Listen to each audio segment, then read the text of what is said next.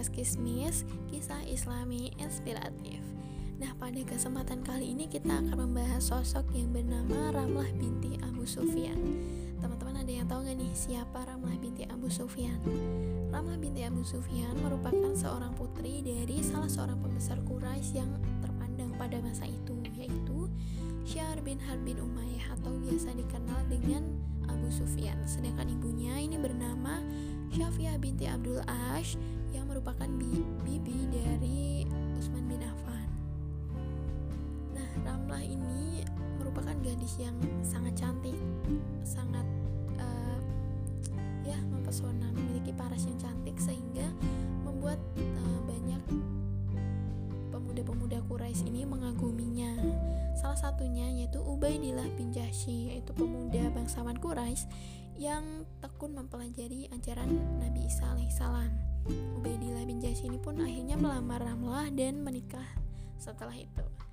Nah, setelah pernikahan tersebut dilaksanakan, berita diangkatnya Nabi Muhammad SAW sebagai Rasul ini pun menyebar di kalangan kaum Quraisy gitu, sehingga Warokoh bin Naufal atau seorang pendeta Nasrani ini pun membenarkan kenabian tersebut.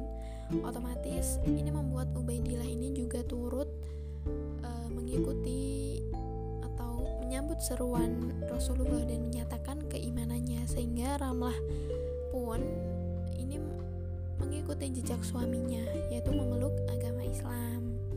Akhirnya Ramlah dan suaminya ini pun berangkat menuju Habasyah saat Ramlah sedang mengandung dan melahirkan anaknya yang bernama Habibah ini di Habasyah.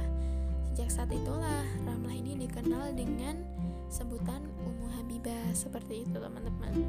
Tapi pada suatu malam nih, Ummu Habibah ini bermimpi buruk tentang suaminya.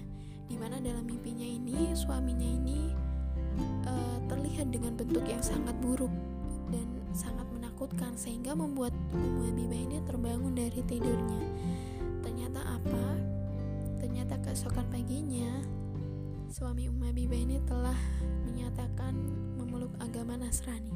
Menurut Ubaidillah, tidak ada agama yang lebih baik dari agama Nasrani.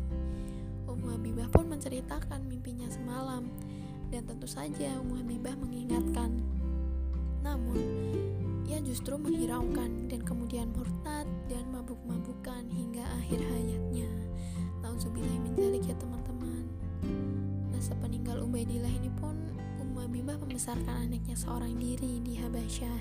Lantas kabar tersebut ini terdengar sampai telinga Rasulullah sehingga setelah masa indah Ummu Habibah ini selesai, Rasulullah meminta bantuan Negus yaitu seorang penguasa Habasyah untuk melamarkan Ummu Habibah. Setelah membaca surat dari Rasulullah, Negus ini mengutus Abraha yaitu seorang budak perempuan untuk menjumpai Ummu Habibah. Kemudian lamaran tersebut pun diterima oleh Ummu Habibah dan uh, Ummu Habibah ini mendapat mahar sebesar 400 dinar. Ummu Habibah dan Rasulullah akhirnya menetap bersama di Madinah. Namun beberapa tahun setelah berkumpul, ini Rasulullah Shallallahu Alaihi Wasallam wafat. Sepeninggal Rasulullah, uh, Ummu Habibah ini benar-benar menyibukkan diri dengan beribadah dan berbuat kebaikan. Dia berpegang teguh pada nasihat Rasulullah dan senantiasa berusaha e, mempersatukan kaum kaum muslimin hingga akhir hayatnya yaitu pada tahun ke-46 Hijriah. Nah, ternyata Ummu Habibah ini telah meriwayatkan sekitar 65 hadis dari Rasulullah dan dari Zainab binti Jahsy. Masya Allah sekali ya teman-teman.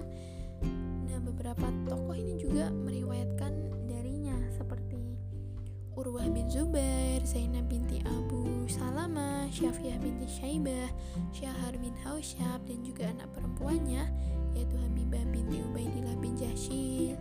Kemudian ada saudara lelakinya yaitu Muawiyah dan Atabah dan juga keponakannya yang bernama Abdullah bin Atabah. Nah, selain itu terjalin juga kerukunan dan hubungan baik nih istri Rasulullah. Para istri Rasulullah.